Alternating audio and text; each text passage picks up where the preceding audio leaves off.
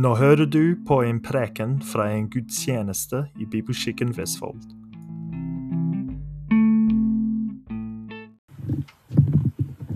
Der. Dere sitter i solsteika, og det er ikke noe godt. Jeg tar sjøl og så henger jeg capsen her. Og siden jeg er fri, så skal dere vite at hvis det blir ubehagelig for meg, så tar jeg capsen tilbake. Hos Vivian der så ligger det to paraplyer, så vær frimodige til å ta de, de, dere som trenger det. Eh, det er ikke noe vits å sitte her og lide.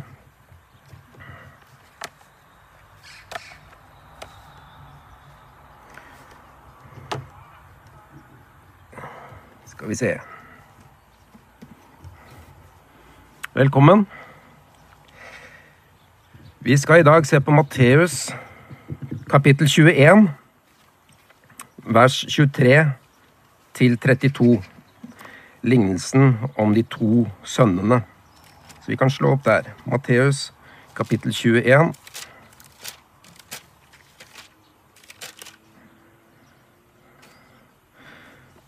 Fra vers 23 til 32. Vi er fortsatt i Jesus siste uke, med bare noen få dager igjen til påske. Og vi får oppleve mye undervisning fra Jesus. Vi leser. Da han var kommet inn i tempelet og lærte der, kom yppersteprestene og folkets eldste til ham og sa, Med hvilken myndighet gjør du dette, og hvem har gitt deg en slik fullmakt? Men Jesus svarte og sa til dem, Jeg vil også spørre dere om en ting. Svar meg på det, så skal jeg si dere hvilken myndighet jeg har til å gjøre dette. Johannes dåp, hvor var den fra? Fra himmelen eller fra mennesker? Men da tenkte de med seg selv og sa til hverandre, sier vi fra himmelen, da vil han si til oss, hvorfor trodde dere da han da ikke? Men svarer vi fra mennesker, da frykter vi for folket, siden alle holder Johannes for en profet. De svarte det da Jesus og sa, vi vet ikke, og han sa til dem, da sier heller ikke jeg dere med hvilken myndighet jeg gjør dette. Men hva mener dere? En mann hadde to sønner, og han gikk til den ene og sa, Sønn, gå i dag og arbeid i vingården. Han svarte, Jeg vil ikke. Men senere angret han det og gikk. Faren gikk til den andre og sa det samme. Denne svarte, Ja, herre, men han gikk ikke. Hvem av disse to gjorde nå farens vilje? De svarer, den første. Jesus sier til dem, Sannelig sier jeg dere, tollere og horkvinner går før dere inn i Guds rike. For Johannes kom til dere på rettferds vei, og dere trodde ham ikke. Men tollere og horkvinner, de trodde ham. Dere så det, men likevel angret dere heller ikke senere, så dere trodde ham. La oss be. Kjære gode Gud, hellige Far. Jeg takker deg for det ordet du har gitt til oss, og det som vi skal tale det som skal tales over i dag. Jeg ber om at du hjelper meg, at du gir meg frimodighet, eh, gir meg visdom eh, og innsikt i det som eh, du har skrevet her, Herre. Gi meg også evne til å kommunisere dette her klart og tydelig, slik at de som hører på, kan få det med seg, Herre. Jeg ber også for hver enkelt en som er her i dag, som hører dette budskapet, at du gir dem også evne til å ta det til seg skjelne, og, og, la det være til eh, forandring i livet, Herre. Jeg ber om at vi lar oss utfordre av ditt ord. Jeg ber om det i Jesu navn. Amen. Her ser vi i det vi leste, at Jesus er tilbake i tempelet. Dagen i forveien, som vi kan lese fra vers 12, så hadde han laget et voldsomt oppstyr med å rense tempelet ved å drive ut alle dem som solgte og kjøpte der, og veltet bord og benker så pengene ble spredt rundt. Det var kaos. Jeg lurer veldig på hvordan de reagerer, disse som ut, disse som ble utsatt for Jesu nidkjærhet dagen i forveien. For jeg er ganske sikker på at de var tilbake på plass. Å slutte med det de gjorde rundt påsketider, ville være det samme som å holde stengt på Black Friday i disse dager. Muligheten for å tjene penger har en enorm drivende kraft i oss mennesker. Og det kan få oss til å gjøre ting selv om det er galt. Og det var galt å drive en slik form for handel i tempelet. Det skulle være en bønnens hus, mens de hadde gjort det til en røverhule. Hvordan reagerte nå disse, som hadde fått pengene sine spredt utover? Jeg ser for meg at de kanskje var litt på vakt, litt anspent når de så at Jesus kom igjen. Så når nå Jesus kommer dagen etter, så spør yppersteprestene og folkets eldste eh, om med hvilken myndighet han gjør dette. Hva er dette som han gjør? Vel, det står i teksten vår at han lærte der, i tempelet. Vanligvis så måtte de som lærte i tempelet, ha en form for autorisasjon eh, fra Det høye råd for å kunne få lov til å gjøre det. Dette var ikke et torg hvor hvem som helst kunne stå og lære hva som helst, slik det var andre steder. Så hvem har gitt Jesus denne fullmakten, denne, denne myndigheten? Men dette spørsmålet gjelder også for det som skjedde i forveien. Med hvilken myndighet var det Jesus renset tempelet? Og det er flere ting som vi bare leste da vi så på dette sist. Hvis vi ser i vers 14 i Matteus kapittel 21. Tenk dere noe så utrolig. Midt i alt kaoset, blant veltede bord og benker, og mennesker som antageligvis løp rundt i panikk og samlet opp småmyntene som lå på bakken, midt i dette kaoset, etter Jesu nidkjærhet, så kommer det blinde og lamme til ham, og han tar seg tid til å helbrede disse. Selv i sin voldsomme nidkjærhet så har Jesus omsorg og barmhjertighet til de trengende og søkende. Så spørsmålet de stiller i dag, kan også være relatert til med hvilken myndighet han helbreder. Med hvilken myndighet tar han imot lovprisningen fra barna som roper Hosianna, Davids sønn? Yppersteprestene og de skriftlærde spør Jesus om han hører hva disse sier. Jesus svarer ja, og refererer til Salme vers kapittel 8, vers 3 i den greske oversettelsen. Tenk dere, dette reagerer yppersteprestene på. At noen barn lovpriser han som har medfølelse og omtanke. Han som tar seg tid til barna og helbreder de trengende. Dette reagerer de på. Men når det gjelder dem som har gjort tempelet om til en røverhule, det lar de passere. De tjente selv penger på å la disse kjøpmennene få holde på. Og så skjedde det jo tross alt bare i den ytterste forgården, den som var forbeholdt hedningene. Her skulle de hedningene som hadde kommet til tro på Gud, få lov til å tilbe. tilbe. Utrolig respektløst overfor Gud, og overfor de hedningene som kom for å søke Gud i bønn og stillhet. Det ville vært det stedet for oss om vi var der på den tiden. Denne støyen ville nok også lett kunne høres inn i jødenes forgård.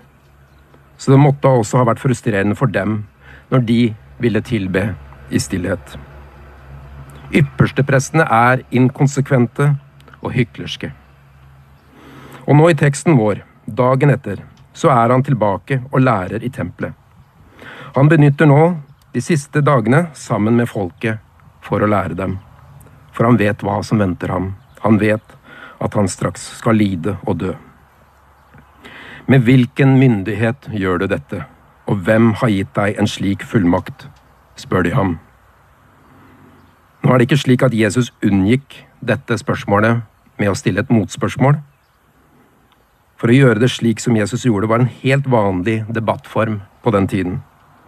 Så det er ikke for å unngå spørsmålet, men for å lede til rett svar. Dessuten så tilbyr han dem et svar, så sant de svarer først. Noen ganger er de beste svarene de som går opp for deg selv. Og jeg tror at det var hensikten til Jesus her. Istedenfor å svare direkte, og med det la det være opp til mottakeren å vurdere hvorvidt det er et godt nok svar eller ikke, så gir han i stedet et motspørsmål som vil ende opp med at de skriftlærde og eldste om de er ærlige, ender opp med å svare på dette spørsmålet selv. Så Jesu motspørsmål vil lede til rett svar.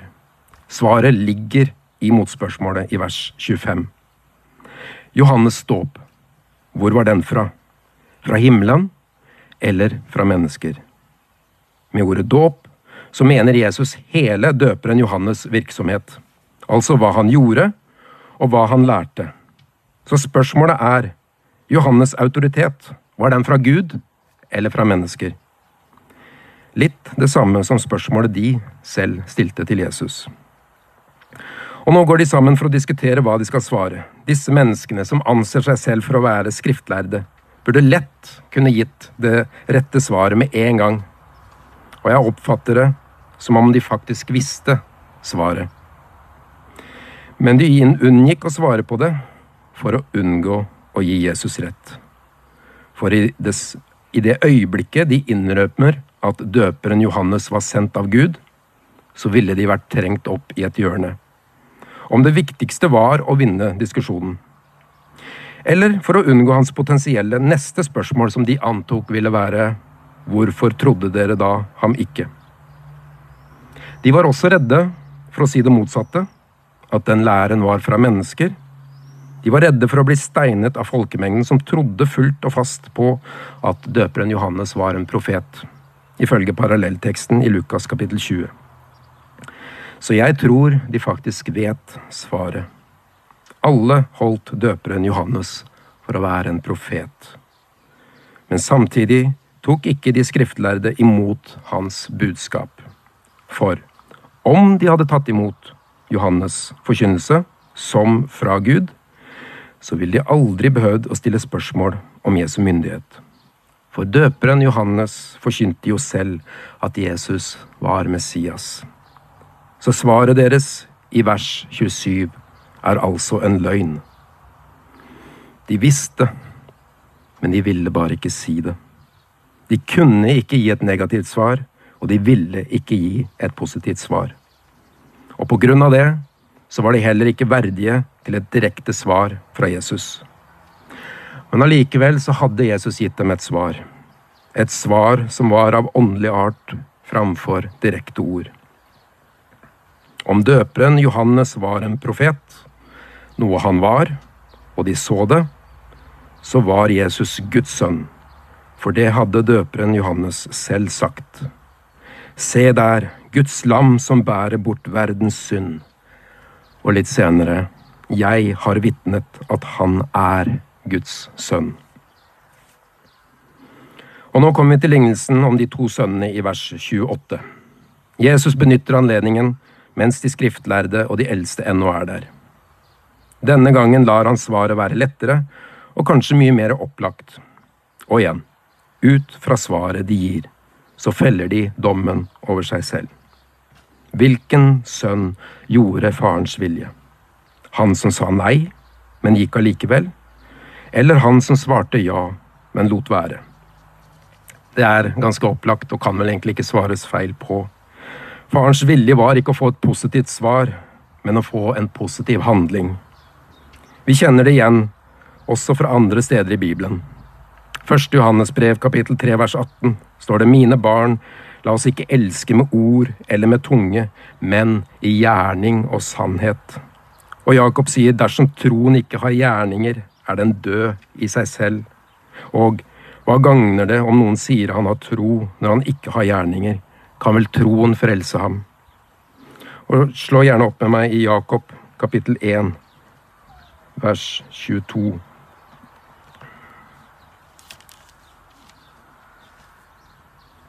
Der står det Men vær ordets gjørere, ikke bare dets hørere, ellers vil dere bedra dere selv. For dersom noen er en ordets hører og ikke dets gjører, da ligner han en mann som ser på sitt naturlige ansikt i et speil. Han så på det på seg selv og gikk bort og glemte straks hvordan han så ut. Men den som skuer inn i frihetens fullkomne lov og fortsetter med det, slik at han ikke blir en glemsom hører, men gjerningens gjører, han skal være salig i sin gjerning. Titus kapittel 1 vers 15 sier, Alt er rent for de rene, Men for dem som er urene og vantro, er ingenting rent, men både deres sinn og deres samvittighet er urene. De sier at de kjenner Gud, men de fornekter Han med sine gjerninger. For de er avskyelige og ulydige og udugelige til noe som helst god gjerning. Kolosserne 3, vers 17 sier, og alt dere gjør, alt dere gjør, i ord eller gjerning, gjør det alt i Herren Jesu navn, med takk til Gud, Fader, ved ham. Så vi ser klart og tydelig at våre handlinger taler mye høyere enn våre ord. Så det hjelper ikke å ha en positiv innstilling, være på tilbudssiden, være høflig og si ja til ting hvis du ikke følger opp. Dine handlinger taler høyere enn dine ord. Og det samme gjelder i din overgivelse til Jesus. Jesus sier, 'Følg meg'. Gjør vi det, eller bare sier vi at vi gjør det? Er det frukter av din overgivelse i ditt liv? Synes det utad at du er en Jesu Kristi etterfølger? Eller sier du bare ja, men gjør ikke som han sier? Jeg tror at det er lurt å la seg utfordre på dette. Det er lurt for meg å la meg utfordre på dette. For som kristne, som etterfølgere av Jesus, så vil vi gjøre som han sier, og vi vil ønske det, selv om vi ikke alltid makter, eller noen ganger faller. Det kan også være perioder hvor dette ikke er så fremtredende, men på generelt grunnlag så vil du ha en iboende lyst til å gi Jesus alt, og en lyst til å sitte ved hans føtter. Så jeg må presisere det handler ikke om at du skal gjøre for å vise at du er en kristen. Det blir fort lovisk og farlig. Men det handler om at om du er en kristen, så vil du ha et ønske om å gjøre. La meg et, ta et eksempel som vil treffe oss alle sammen. Den største befalingen vi har fått, er gå ut, forkynne evangeliet. Det treffer oss alle, for det skaper et visst ubehag i oss. Det er en betydelig forskjell om du virkelig, virkelig ønsker å dele evangeliet med dine venner, arbeidskollegaer eller familie, men kanskje er begrenset av menneskefrykt, fremfor å si nei. Det å vitne om evangeliet, det er ikke helt for meg. Eller jeg er ikke kalt til det. Eller jeg vil ikke. Da kan det være at du sier at du kjenner Gud, men du fornekter ham med dine gjerninger. Hvis det da er slik at du føler deg truffet nå, og du kanskje kjenner deg igjen som en som er uvillig, så fortvil ikke. Det er ikke for sent. La deg utfordre, omvend deg og start i dag. Om det gjelder evangelisering for din del, så ta gjerne kontakt med meg. Det finnes mange former for evangelisering, og vi har anledning til å bli trent i dette. Den beste treningen, dog, som man kan gjøre hjemme, vil være det som står i 2. Timoteus brev, kapittel 3, vers 16, som vi kjenner igjen. Hele Skriften er innåndet av Gud og nyttig til lærdom, til overbevisning, til rettledning, til opptuktelse i rettferdighet, for at Guds menneske kan være fullkomment, satt i stand til all god gjerning. Ok, tilbake til denne lignelsen. Denne mannen i lignelsen er Gud. De to sønnene er to forskjellige typer mennesker, og i denne konteksten to forskjellige typer av Guds utvalgte folk. Ikke at det er to forskjellige, men at deres reaksjonsmønster på det å søke Gud er forskjellig. Den første sønnen som sier at han ikke vil, men gjør det allikevel, det er de som er syndere og vet det, blant annet tollere og horkvinner. De tok i begynnelsen ikke imot budskapet fra Gud, men valgte å gå sine egne veier, enda de kjente Guds lov og vilje om å gå i dag og arbeide i vingården, så ville de ikke. De valgte et liv i hor eller som kjeltringer og andre brudd mot Guds vilje. Men på et tidspunkt så angret de seg, omvendte seg og gikk allikevel inn i Guds rike. Den andre sønnen er de fromme, de skriftlærde, de som tror at de er rettferdige og holder loven. Jesus sier det ikke direkte, men det kommer allikevel tydelig frem. De sier ja, vi vil følge deg, Gud, men fornekter ham med sine gjerninger. De er slike som israelsfolket var i ørkenen i andre Mosebok, kapittel 24, vers 7, da de fikk opplest loven og sa så frimodig at alt det Herren har sagt, vil vi gjøre og lyde. Jeg hadde nok tenkt det samme, og jeg har tenkt det samme. Ja, lover og regler, det skal jeg klare å følge. Men det er ikke det det handler om. Det største budet i loven er å elske Herren din Gud av hele ditt hjerte og av hele din sjel og av all din forstand. Dette er det største og første budet. Men et annet er like stort. Du skal elske din neste som deg selv. På disse to budene hviler hele loven og profetene. Men de lovlærde, de eldste, skriftlærde, sadukeerne og fariseerne, de levde tydeligvis ikke med kjærlighet til sin neste. Vi ser i denne lignelsen i vers 28 og vers 30 at faren gikk med nøyaktig det samme budskapet til begge sønnene. Den ene svarte 'Jeg vil ikke', og med det understreker han en egoisme.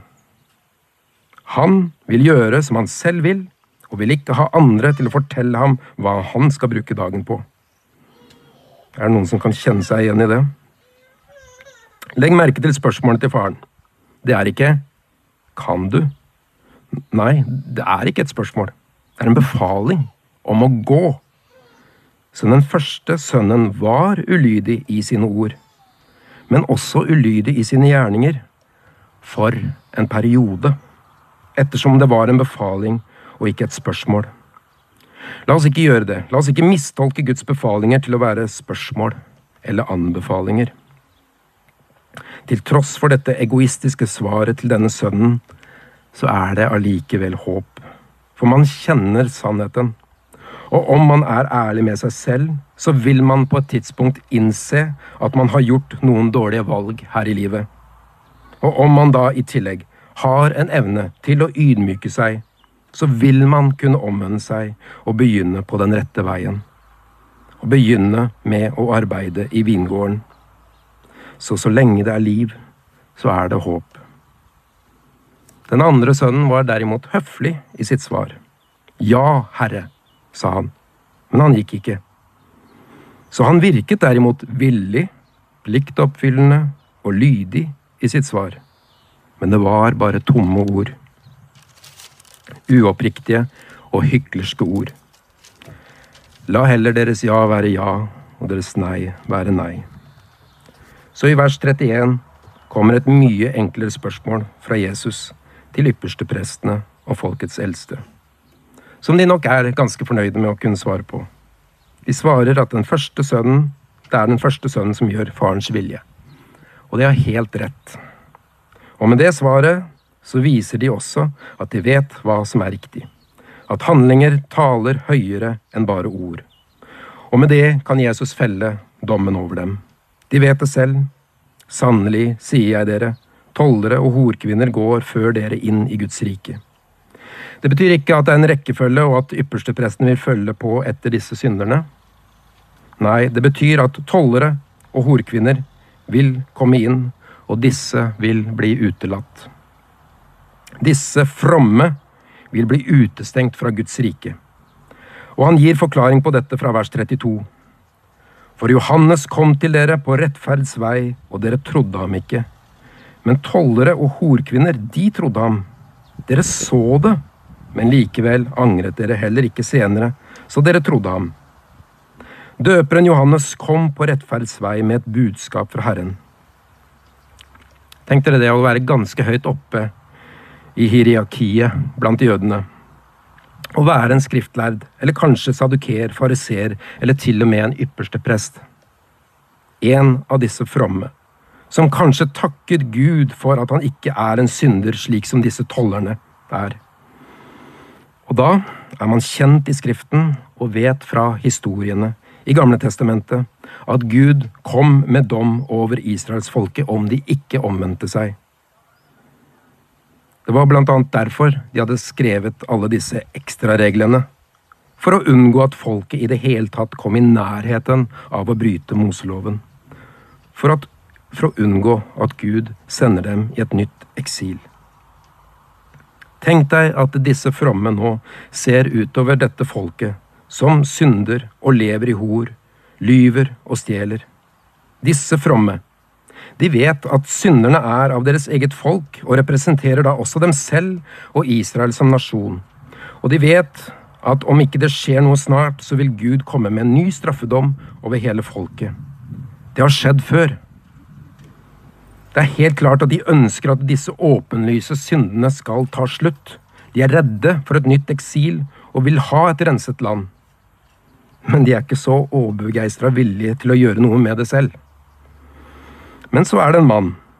En som ikke er som alle andre. En som spiser gresshopper.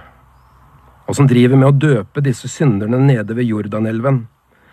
Og hans forkynnelse får disse syndige menneskene til å omvende seg.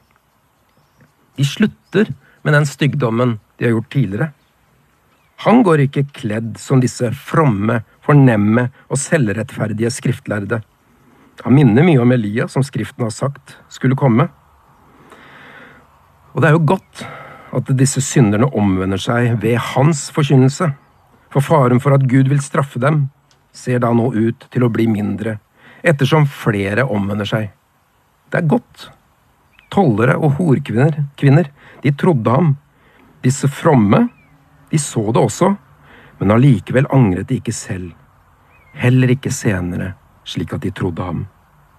I Johannes evangeliet fra kapittel 5, fra vers 31, forteller Jesus til disse judeerne om døperen Johannes som kom for å vitne om ham, som kom for å vitne om Jesus. Og han sier fra vers 34, ikke så at jeg tar imot vitnesbyrdet fra et menneske, men dette sier jeg for at dere skal bli frelst. Han var, han, døperen Johannes, var det brennende og skinnende lyset men dere ville bare en kort stund glede dere i hans lys.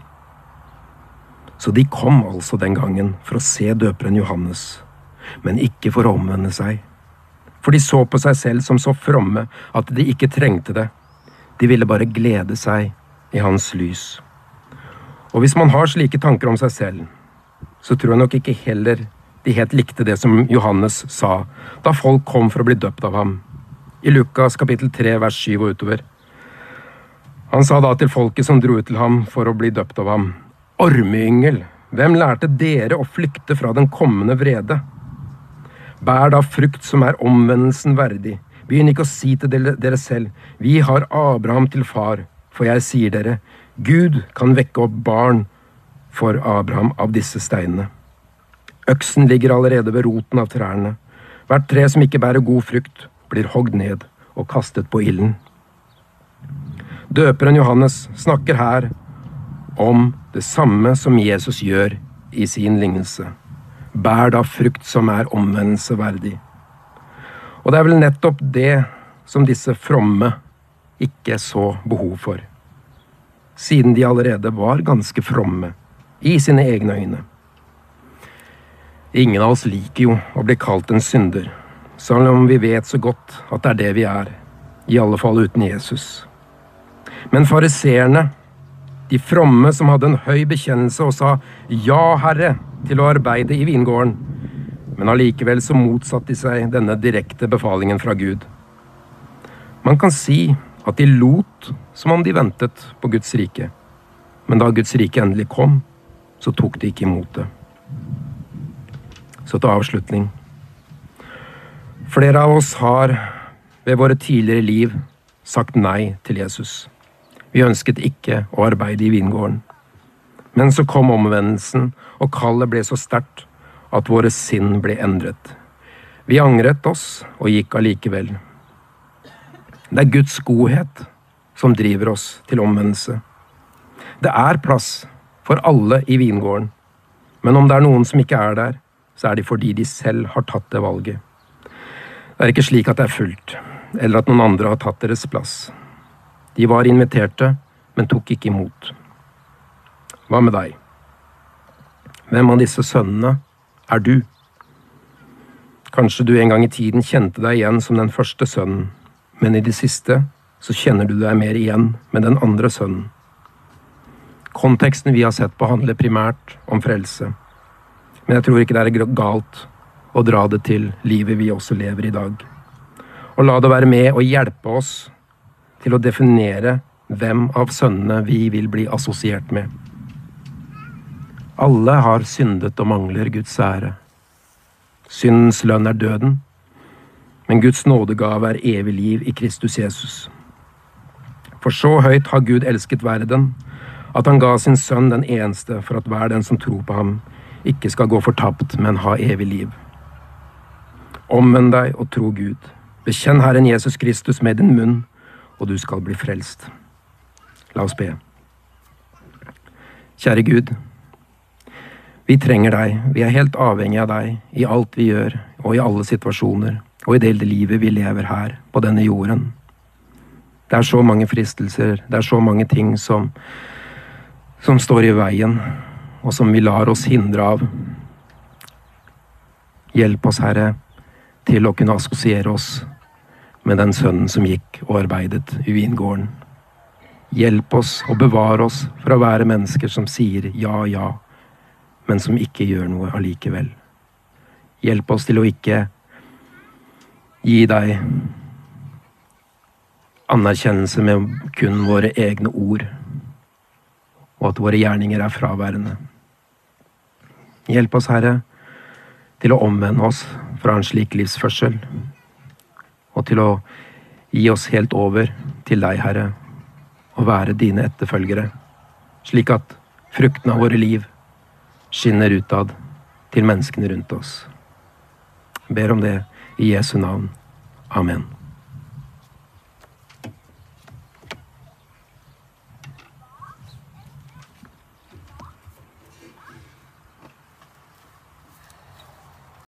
Takk for at du hørte på denne prekenen. Ønsker du mer informasjon, besøk bibelkirken.com eller vår Facebook-side Bibelkirken Vestfold.